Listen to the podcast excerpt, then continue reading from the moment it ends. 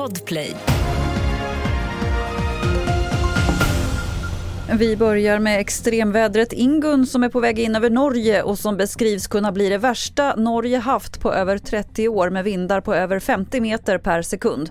Meteorologer som Aftonbladet pratat med säger att Ingun förmodligen mildras innan det når Sverige men att det kan bli mycket kraftigt även här.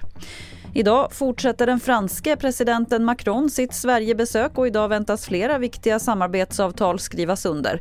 Enligt AFP kommer kontrakt skrivas om utvecklingen av pansarvärnsroboten Acheron och även på energisidan väntas uppgörelser bland annat gällande fransk kärnkraft.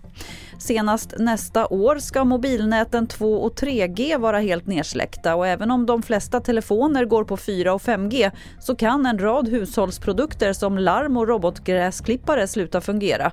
Och uppmaningen är att man ser över sina prylar inför nedsläckningen.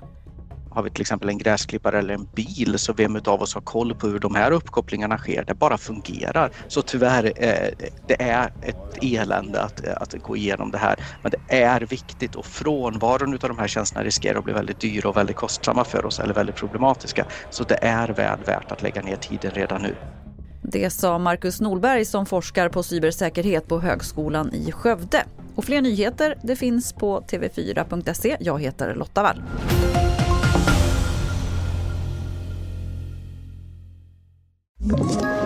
Ett poddtips från Podplay.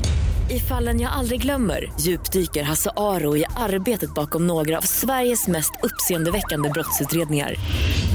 Går vi in med hemlig telefonavlyssning och, och då upplever vi att vi får en total förändring av hans beteende. Vad är det som händer nu? Vem är det som läcker?